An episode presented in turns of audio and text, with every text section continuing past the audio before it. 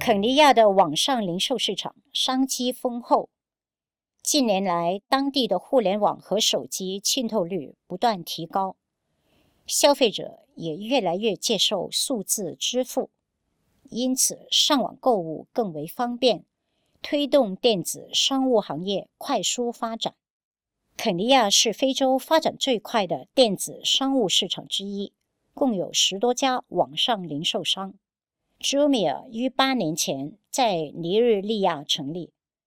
目前在纽约证券交易所上市，是肯尼亚电子商务市场的龙头，市场占有率超过五分之一。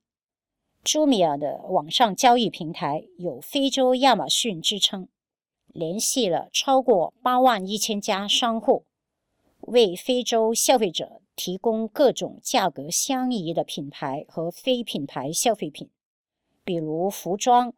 家居和生活用品、电子产品和美容用品等等。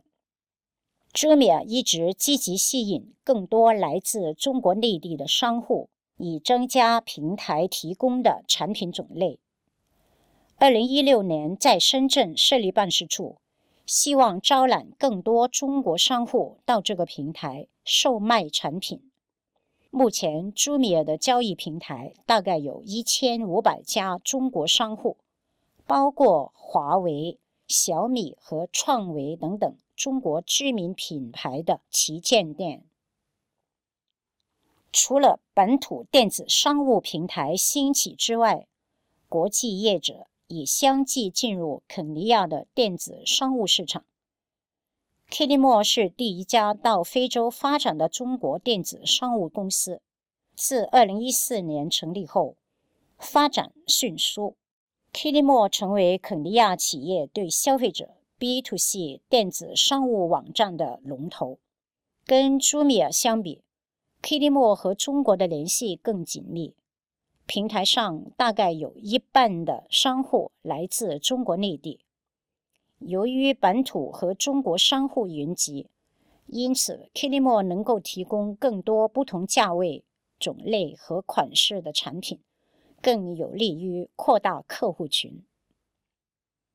除了借出零售消费者之外，香港和内地供应商还可以通过 Kili Business 和肯尼亚买家建立联系。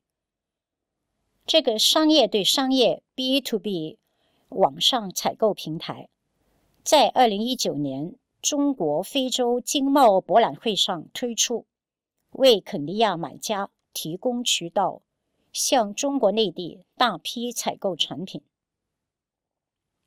在发展网上零售平台的同时，很多公司也积极实行线上线下整合策略，提供更优良的顾客体验。中国建筑公司中国武夷就是其中一个例子。中国武夷于二零一八年新建了肯尼亚最大的家居装饰购物卖场。